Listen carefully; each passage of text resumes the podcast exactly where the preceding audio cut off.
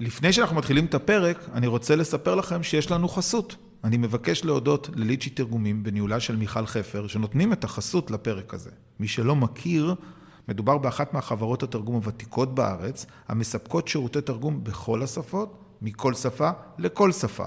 פרטים נוספים, lichy.coil, זה www.lichi.co.il.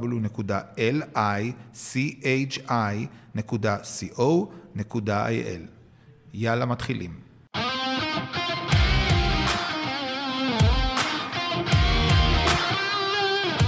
אמריקה בייבי, הפודקאסט שהוא שער הכניסה להבנת ההיסטוריה, החברה והפוליטיקה בארצות הברית, בהנחיית קובי ברדה.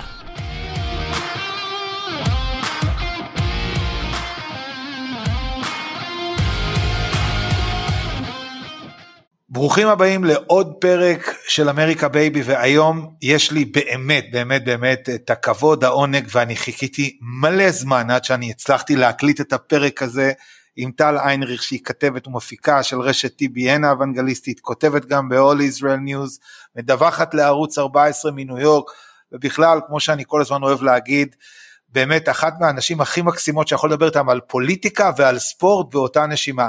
אין הרבה אנשים כמוך תודה שאת פה. תענוג להצטרף אליך, קובי, אני אבוא כל יום עם כזו הצגה. תשמעי טל, אנחנו מכינים היום פרק מאוד מיוחד, והוא פרק שבעצם רוצה להנגיש לציבור בישראל את מה שאת חיה אותו ביום יום. אני קורא לזה, לכותרת הזאת, מלחמות התרבות באמריקה, והיום אנחנו רוצים לנסות להבין הרבה מאוד בסיועך ובעזרתך, את מה בעצם עובר על מה שזכה לשם החיבה הטרלול הפרוגרסיבי, לנסות לפרק עבורנו את האופן שבו נתפס בעצם כל התרבות הזאת. בואי נתחיל בדבר הכי בסיסי. בואי תסביר לנו מה זה תרבות הווק. W-O-K-E. ה-woke, יש כאלה שקוראים לזה בעברית נאורות, אבל למען האמת, אני מאוד מאוד אוהבת את ההגדרה שהצמידו לזה בעברית, טרלול. אה, זו מילה נהדרת, זה לא craziness, זה לא שיגעון, זה באמת טרלול, זה מה שזה. אז ככה, אפשר לומר שב-2020 אגב, הרגשנו את זה באופן הכי אינטנסיבי פה, כרגע זה קצת נרגע, ובואו נסביר בדיוק אה, מה זה. נלך עוד יותר אחורה. הפרוגרסיביזם בארצות הברית, למרות שהוא, אתה יודע, מין זרם שוליים של שמאל קיצונים, נקרא לזה ככה, מקבל הרבה מאוד spotlight. למה? כי אתה יודע, מיעוט קטן, קולני, שמכתיב כללים שפתאום, אתה יודע, כולם צריכים להתיישר לפיהם. אם זה תאגידים, חברות ענק, כלי תקשורת, ומה סט החוקים האלה שפתאום אה, נפל עלינו ואיך, ואיך הוא נפל עלינו. זו ראיית תפיסת עולם שמחלקת את החברה, פחות או יותר, למדוכאים ומדכאים. כלומר, כל סיטואציה חברתית, כלכלית, מדינית, מקבלת את המבט מתוך הפרספקטיבה הזו, מי פה הצד המדוכא ומי הצד המדכא.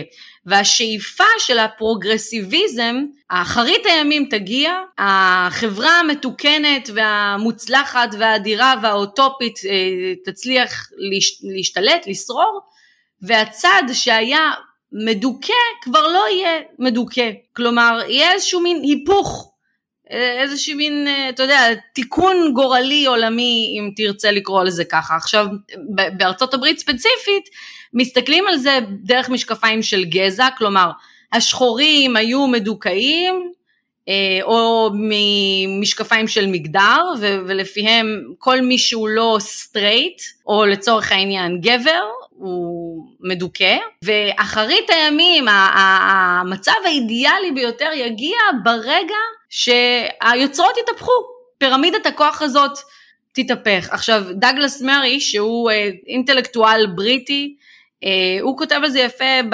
בספר שלו The Madness of Crowds, שיצא בארץ דרך אה, הוצאת סלע מאיר, לא בטוחה לגבי התרגום לעברית, הכותרת שלו, אבל הוא, הוא מסביר שם את פירמידות ההיררכיה. כלומר, מבחינתו הוא מציין שהטרנסג'נדרית השחורה לצורך העניין, היא נמצאת בתחתית תחתית הפירמידה של המעמדות המדוכאים. והצדק ישרור והחברה האידיאלית תתקיים ברגע שהטרנסג'נדרית השחורה תהפוך לראש הפירמידה. ומה זה אומר? שהגבר ה straight הלבן יהיה בתחתית הפירמידה. עכשיו זה, זה באמת נשמע משוגע ו, ולצורך זה בעצם כדי להגיע לחברה האידיאלית הזאת שהפרוגרסיביזם בארצות הברית לפחות מנסה לדחוף אליה, הם דוחפים לשינויי שפה ושינויי מדיניות, אה, דברים כמו אפליה מתקנת שאני אישית קוראת לזה גזענות מודרנית, כי אנחנו יכולים גם להגיע לזה בסוף, או נגיע לזה עכשיו, אתה יודע מה, כי בדיוק עכשיו בית המשפט הנחית כמה בומבות כאן, ואחת מהן הייתה הפסיקה, נג... כלומר ביטול אפליה ש... מתקנת. בדיוק, איסור אפליה מתקנת ואיך התביעה הזאת התגלגלה שאני עקבתי עליה עוד אחריה עוד מהערכאות הנמוכות יותר, שזה היה מדהים שזה בכלל הגיע לעליון ותפס כזה spotlight כאן, זה שקבוצה של אסייתים בעצם תבעה את אוניברסיטת, כן בדיוק. כן, קבוצה אה, של סינים אמריקאים. סינים אמריקאים, תבעה את אוניברסיטת הרווארד על מדיניות שלפיה חד וחלק מורידים להם נקודות בבחינות, בציוני קבלה, במבחני קבלה לאוניברסיטה, אה, איך לומר בעדינות, על העיניים המלוכסנות, קובי. פשוט נכון. על העיניים, על העיניים. אשכרה ככה, כן. על העיניים, על הזווית של העין, מורידים להם ציונים בקבלה. למה?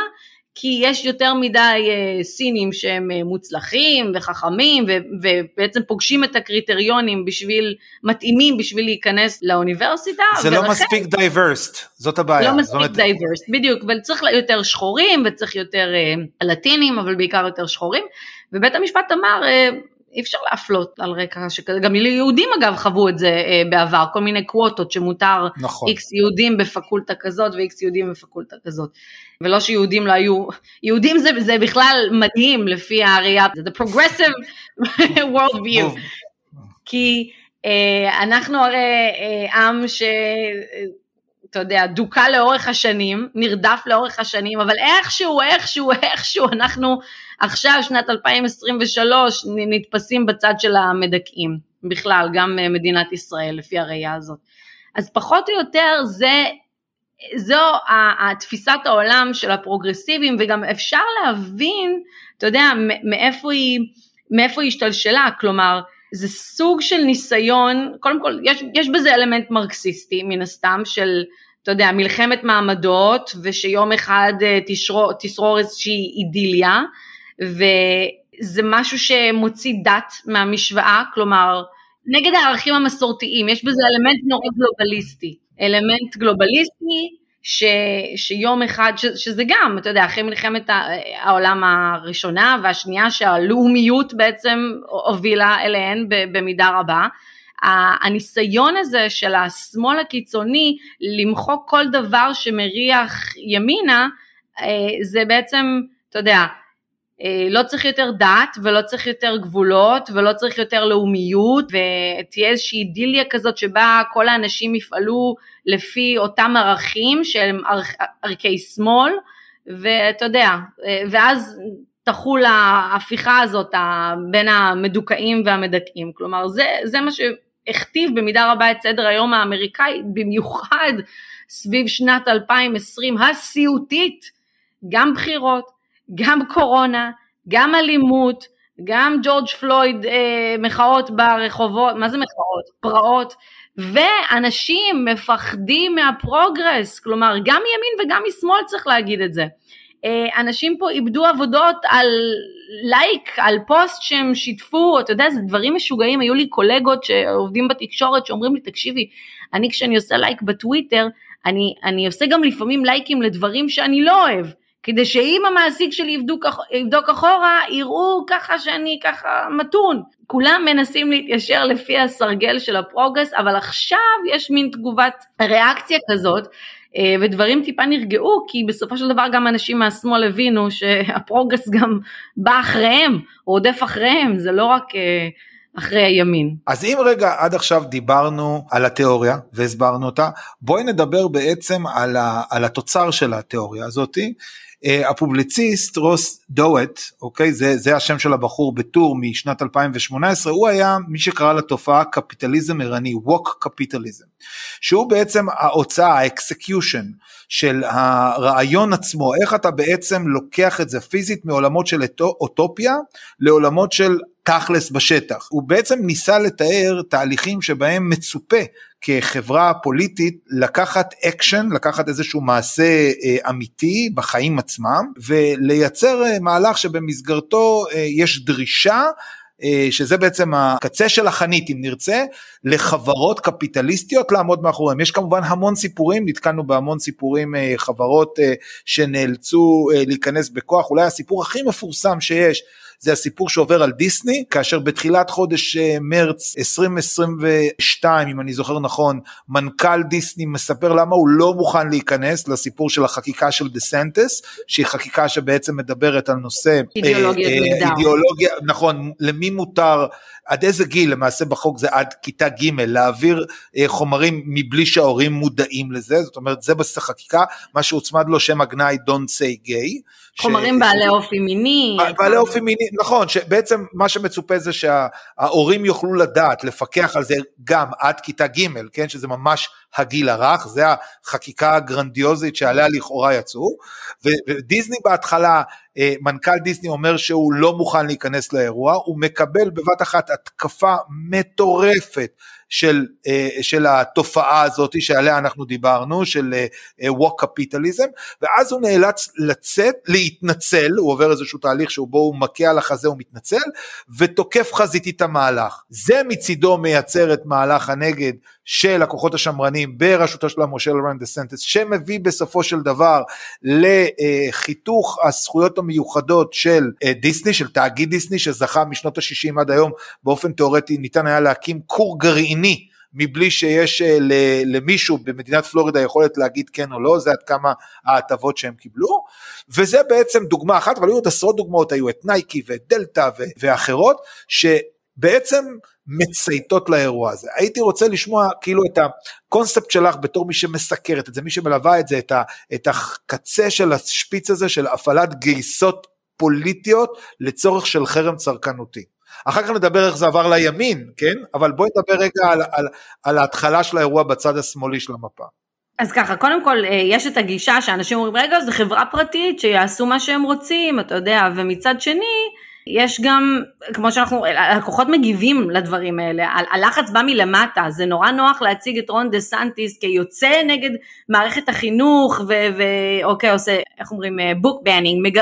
החרמות של ספרים, זה נורא, כמה, אתה כמה שנים באמריקה וזה פשוט נורא. ולא, זה ספציפית בגלל שאנחנו מדברים על נושאים של, של פוליטיקה, שרגילים לדבר עליהם באנגלית. כלומר, השאלה פה אם זה, אם אלה שינויים ש... מחלחלים מלמטה או נכפים מלמעלה, ופה יש איזשהו קונפליקט שצריך, שצריך לעמוד עליו. החברות האלה מנסות להתיישר לפי צו השעה, ותיארת את מלכן דיסני שבעצם נכנע ללחץ, כי, כי למה לא באמת להתערב? אבל יש קבוצות לחץ בתוך, ה, בתוך הגופים האלה והן מפעילות לחץ, נגיד את זה ברמה הכי פשוטה שיש, הן פורטות על המיתר הכי אה, עדין של הנפש האמריקאית, גזענות, כלומר להגיד את המילה גזען על מישהו, על חברה, על אינדיבידואל בארצות הברית, זאת, קובי תסביר, זה הקללה הכי הכי הכי נוראית שבכלל אפשר להעלות על הדעת. זה יכול להיות גורם קטן בחברה, או, או אתה יודע, בחברה, אני מדברת על ה-corporate, או corporate, בחברה כן. עצמה, אה, ש, ש, בדיוק, בסוסייטי, שמצביע על גורם מסוים כגזען, וזה יכול להיות, וזה הקללה הכי נוראית שיש. עכשיו, זה לא משנה אם זה כן יביא לו לנזק אה, כספי או לא כספי, כלום, עצם זה שמישהו אמר עליך גזען האות קלון הזה, זה בל יעבור, ומזה הם כל כך מפחדים, ככה אני רואה את זה. ברור שאובדן כלכלי של כסף זה גם חתיכת דבר רציני, אבל התווית הזאת שמישהו אמר עליי גזען, זה חיל ורעדה הדבר הזה. ו... תגידי, עד, עד, עד כמה את מרגישה אבל בקשר לקטע הזה, דווקא גם בגלל שאנחנו נמצאים ב, בתוך uh, אקלים שבו דור ה-Z, שהוא בעצם הדור הצרכנותי של אמריקה, הוא זה שהוא הוא בעצם הכוח המוביל של טרנדים וכן הלאה, ש, שהולך, שהוא מאוד מקטיב שמאלה. כל המחקרים מראים את זה, הבחירות המיד-טרם, אם לא הדור הזה יוצא בהמוניו לבחירות שלא מעניינות כלב מת, בדרך כלל רק הגמלאים הולכים להצביע, והם יוצאים בהמוניהם ו- ועוצרים בגופם לצורך העניין הזה, מה שהיה אמור להיות הגל האדום, עד כמה את כן מצליחה לראות שיש איזשהו סוג של רצון להיכנע או להתיישר למסרים של דור ה-Z? אין ספק שהם תופסים חתיכת נפח עם הכללים החדשים האלה שמנסים להכתיב, אבל אני אתן לך שתי מילים, אוקיי? אחד וירג'יניה, שתיים, נכון. בד לייט. נכון. שתי דוגמאות שאפשר רגע לדבר. זה, זה, בעצם, זה בעצם המטוטלת הנגדית, את קצת מקדימה לי את הזה, אבל, אבל אם כבר דיברת על, על באמת על הבחירות למושל, ועל, בואי תספרי למי שלא מכיר על מה מדובר. בוא, בוא נדבר רגע על וירג'יניה, הבחירות uh, לתפקיד המושל בווירג'יניה היו בשנה שעברה, נכון? 2022, נכון. מדינה שהיא חלחלה באופן uh, מובהק. הייתי אומר אפילו כחולה, הייתי אומר אפילו כחולה. דמוקרטית, כן, אוקיי. נכון. ומה שקרה שם, זה שהורים יצאו להצביע, כלומר, עם הזהות ההורית שלהם, זו הכוונה, כי הורים תמיד מצביעים, כל כמעט כל מה שמצביע הוא הורה. אידיאולוגיית המגדר ותיאוריית הגזע הביקורתית, מה מכונה ה-CRT, כלומר פרוגרסיביזם על רקע צבע עור. Critical רקע... Race Theory, מה ש... בדיוק, CRT. אלה שני דברים שדחפו את ההורים לומר בקלפי אנחנו רוצים את המושכות בידיים נכון. ובחרו... צריך רק להזכיר בקשר לזה, סיפור שהפך להיות האייקון של האירוע הזה, ילדה נאנסת בשירותים על ידי בן שמזדהה כטרנסג'נדר, האב מגיע לכנס ובעצם צועק את צעקתו מרה על ביתו שנאנסה, מזמינים לו משטרה, הוא נעצר, מוגש נגדו כתב אישום פלילי, שזה באמת הקצה ש, שהביא, ואיגוד המורים תומך במהלך הזה של, ה, של, של מה שעשו לאותו הורה, ולכן אנחנו רואים בקלפיות נהירה המונית של הורים שאומרים עד כאן, אנחנו את. עד כאן ובוחרים את המושל גלן ינקין שהוא רפובליקני, שהוא רפובליקני. וסגניתו.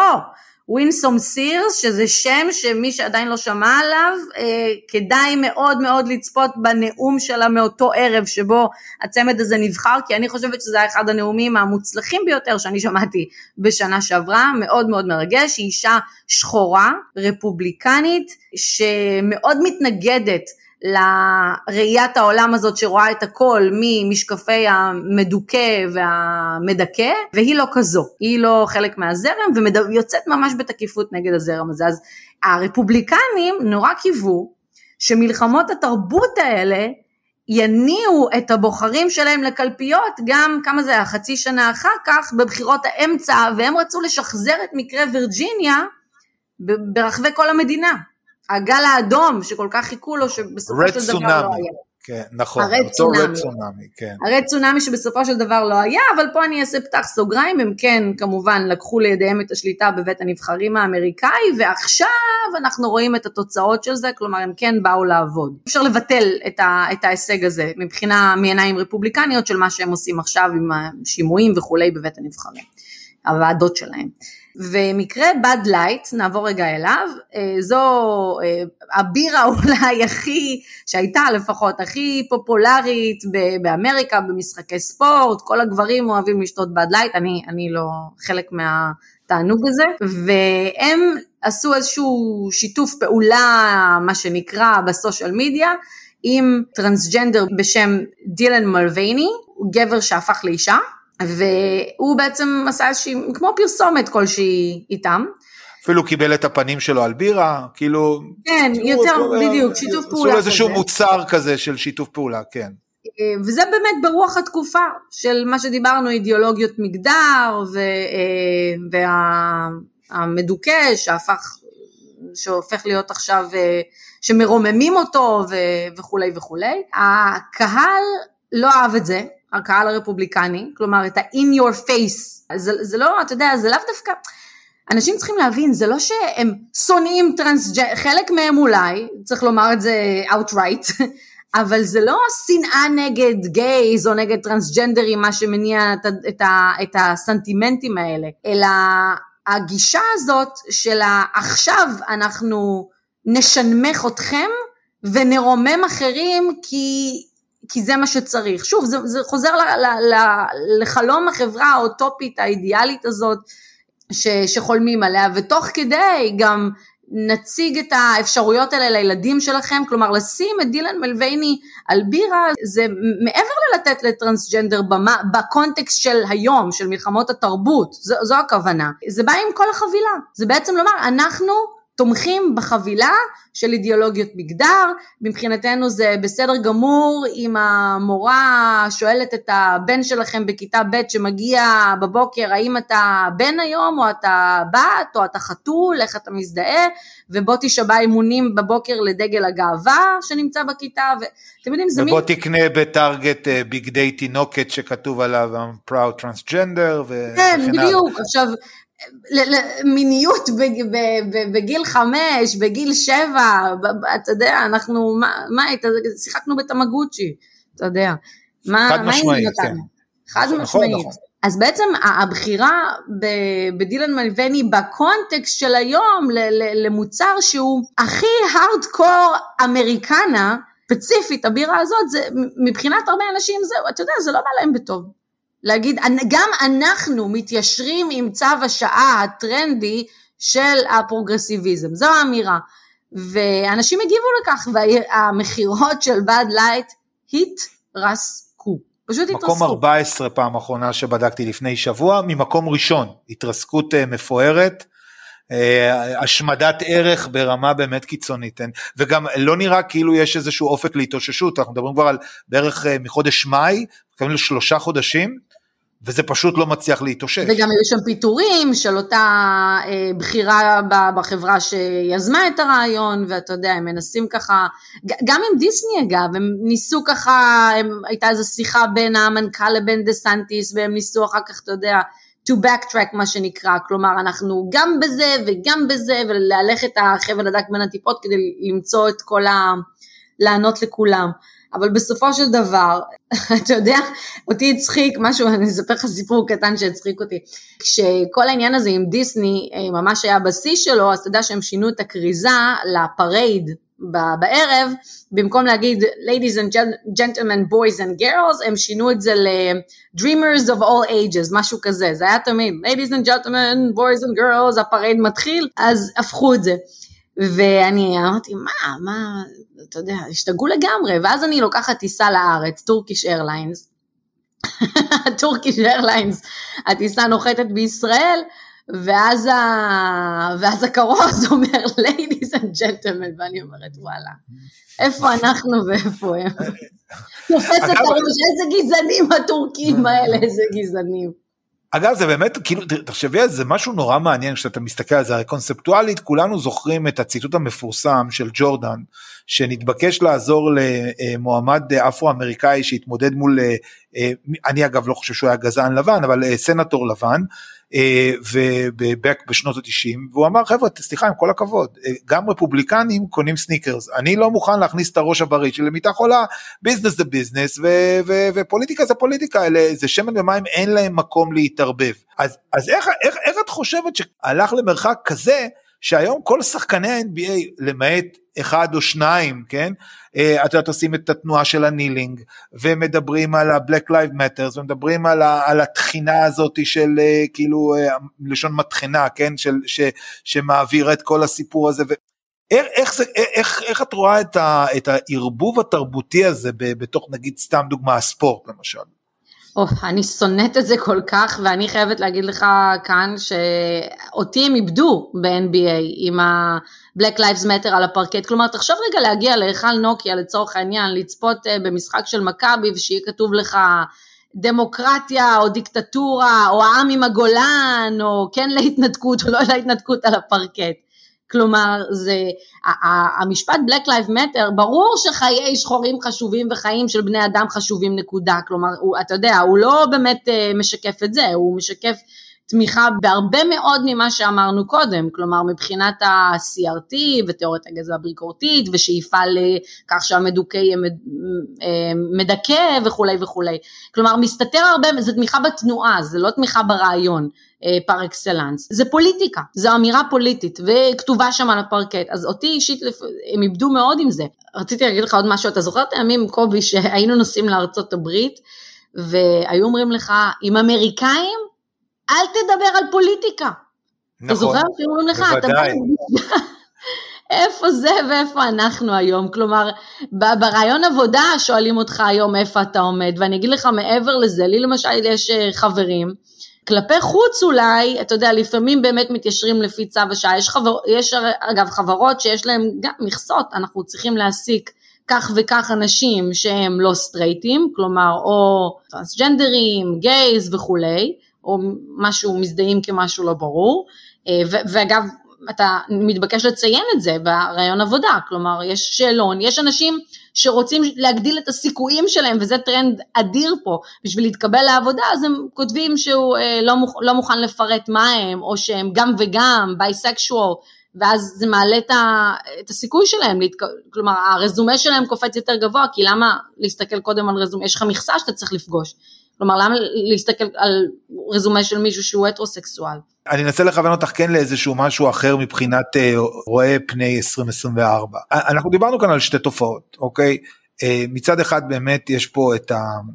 משהו שאולי אפילו קצת דועך בזמן האחרון, ש... אבל הוא כן היה מאוד מאוד נושא משמעותי ב...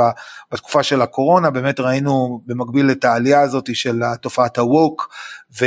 וזה ליחך אה, בצורה משמעותית את המרכז של המפלגה הדמוקרטית. אנחנו כיום מדברים, אה, התנועה הפרוגרסיבית כתנועה בעצם בפעם הראשונה אנחנו מייצרים את ההיכרות היא בשנת 2018, אה, לראשונה נכנסים חברי ובעיקר חברות קונגרס, את הסקוואד ו- ומעבר לזה, אנחנו רואים את שהם הולכים ומתעצמים ב-2020, הולכים וגדלים ב-2022, ובעצם מייצרים היום שדולה עם 103 חברים של התנועה הפרוגרסיבית, כמובן על רקעים שונים, היה פה רותם הורג והוא ניסה להסביר את זה, אז הוא, אמר, הוא קרא לזה 50 גוונים של כחול.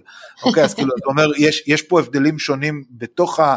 אותם 103 כמובן, כי יש נגיד מישהו כמו ריצ'י טורס למשל, שהוא נכון. לחלוטין מזהה את עצמו כפרוגרסיבי, אבל לגמרי בעניין של, של להיות אה, פרו-ישראלי וכן הלאה.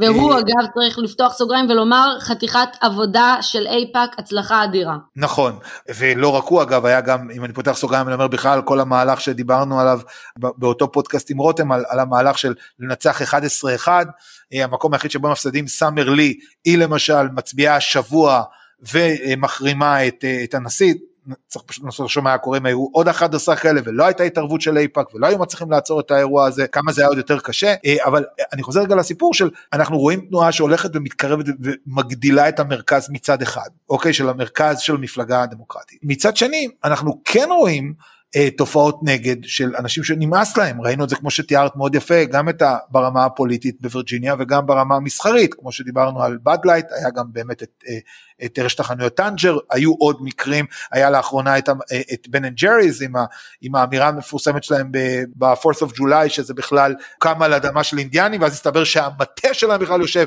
ואז איזה צ'יף אינדיאני בכל מקרה, שזה תמיד הכי מצחיק אותי, איך זה חוזר. פנו את מטה הגלידות שלכם מהאדמה שלהם. כן, איך זה נותן להם את הביס בטוחס.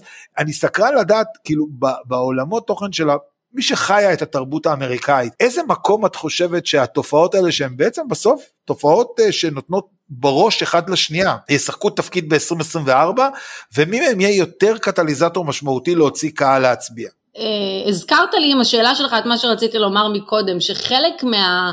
לא לדבר עם אמריקאים על פוליטיקה, הכל השתנה כשדונלד טראמפ נכנס לתמונה. הוא פשוט, הכניסה של דונלד טראמפ לפוליטיקה פשוט הפכה את הקערה על פיה, מימין ומשמאל כל הכללים השתנו, כל התרבות של שיח סביב פוליטיקה השתנתה, ושוב זה מביא אותנו, עכשיו מחבר אותנו לשאלה שלך, 2024.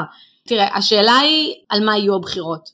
הם יהיו משאל עם על אה, ביידן, או קודם כל בוא נראה שהוא המועמד, או שאם יהיו משאל עם על המועמד הרפובליקני. אם זה יהיה טראמפ, אז גדל כמובן הסיכוי לכך שהם יהיו משאל עם על מועמד הרפובליקני, ובדרך כלל מי שהמשאל מתבצע עליו, הוא גם יכול להיות, כי סביר להניח יהיה זה ש...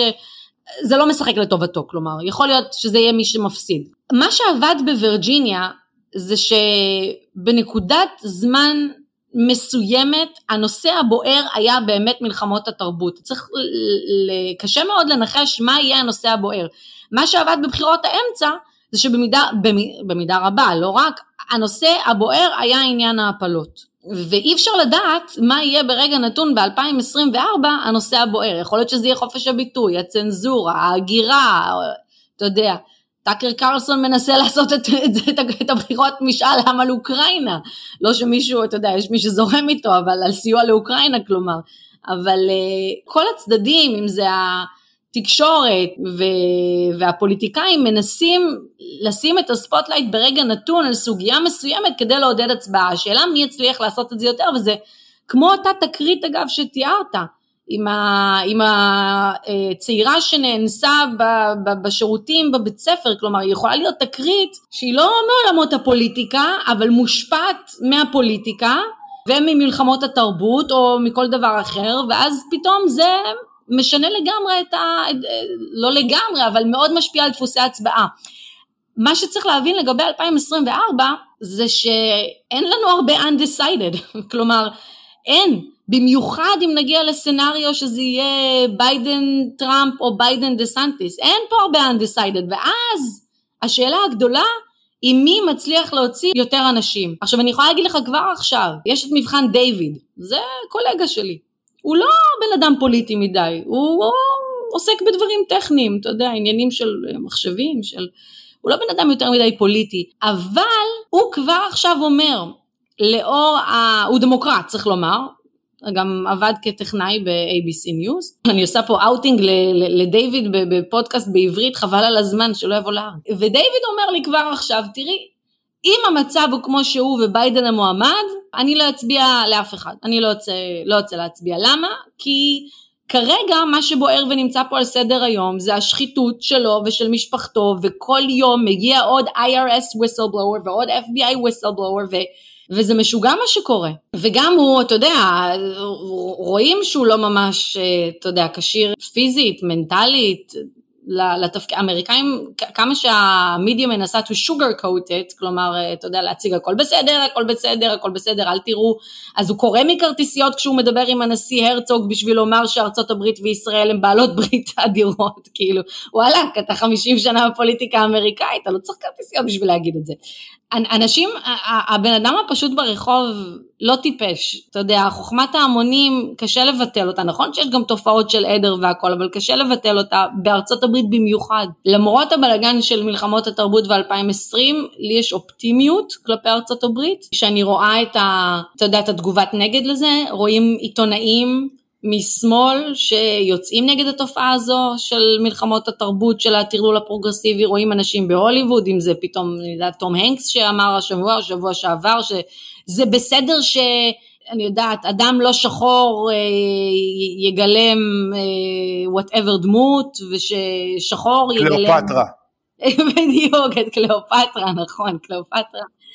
ביל מאייר עושה עבודה חזקה על זה ב-HBO, עוד דמוקרטים קול חזק, ויש עיתונאים שגם פתאום, אתה יודע, מכים על חטא, ממש מכים על חטא. ואומרים אנחנו דיווחנו ככה, אנחנו היינו חלק מהמערבולת ועכשיו הבנו שבאמת מרחו אותנו, אם זה עם החקירה על רוסיה או אם זה אה, רוסיה וטראמפ, אתה יודע, פתאום יש איזושהי התיישרות כזאת. ויש עיתונאים מימין ומשמאל ש... או משפיענים, אני לא צריכה, אינטלקטואלים מימין ומשמאל שבעצם עושים יד אחת ויוצאים נגד הקיצוניות משני הצדדים. חופש הביטוי זה אחד הדברים המטורפים, כלומר ש, שנמצאים פה כרגע ב, באמת במרכז הבמה, רק אתמול היה אה, שימוע בקונגרס עם אה, RFK ג'וניור, המועמד שמנסה בעצם לאתגר את ביידן מצד שמאל, והוא גם ככה דמוקרט, אבל אה, לא נכנע לתכתיבים ויש לו את דעתו שלו, אם זה על קורונה ואם זה על... יהודים וקורונה אה, וכל מיני אמירות גזעניות שכאלה, כן? כן, אבל, אבל עדיין, השמאל מנסה לסתום לו את הפה, השמאל הקיצוני יותר מנסה לסתום לו את הפה, ואתה רואה דמוקרטים ורפובליקנים שאומרים מדינה חופשית, תנו לו לדבר. כלומר, השאלה באמת מה, מה יהיה הנושא הבוער ברגע שאנחנו נגיע ל-2024 באותו, באותו רגע. אז, אז דיוויד מהעבודה שלי אומר, אם המצב הוא כזה, והוא דמוקרט, אני לא רוצה להצביע. עכשיו, השאלה באיזה צד יהיו יותר דיווידים. כן. באמת בכיף גדול, היה אה, פרק אה, מטורף, נהדר, אני בטוח שכל מי ששמע אותו סופר נהנה, למד הרבה. אני רוצה להודות לך על אה, זה שהשארת אותנו בידע שלך בנושא שהוא מאוד מעניין את הישראלים, ובטח שאותי. המון המון תודה טל. בכיף קובי, תענוג לדבר איתך, על קפה וגם דרך המחשב. מהמם. אז uh, אנחנו, שוב, תודה רבה שהאזנתם, uh, ניפגש בפרק הבא. תודה רבה שהאזנתם לפרק הזה. אתם יכולים למצוא אותנו בכל האפליקציות של הפודקאסטים, דוגמת ספוטיפיי, אפל, גוגל פודקאסט ועוד. ושוב, המון תודה לליצ'י תרגומים בהנהלת מיכל חפר, בית לשירותי תרגום בכל השפות על חסותם לפרק זה, שניתן למצוא באתר lichy.coil, זה www.lichi.co.il. תודה מיוחדת לחברת הפודקסייה בניהולו של שלום סיונוב על הפקת הפודקאסט הזה. נתראה בפרק הבא.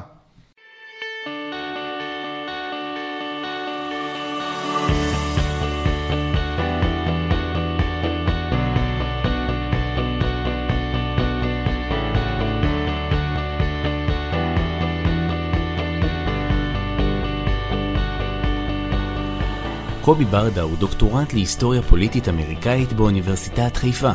מלגאי בקתדרת חייקין לגאו-אסטרטגיה והחממה הדתית באוניברסיטת חיפה, ומחבר הספרים המפתח להבנת טראמפ ו-Grassroots Path to Congress. מחקריו מתמקדים בשדולות למען יחסי ישראל-ארצות הברית ובפוליטיקה אמריקאית.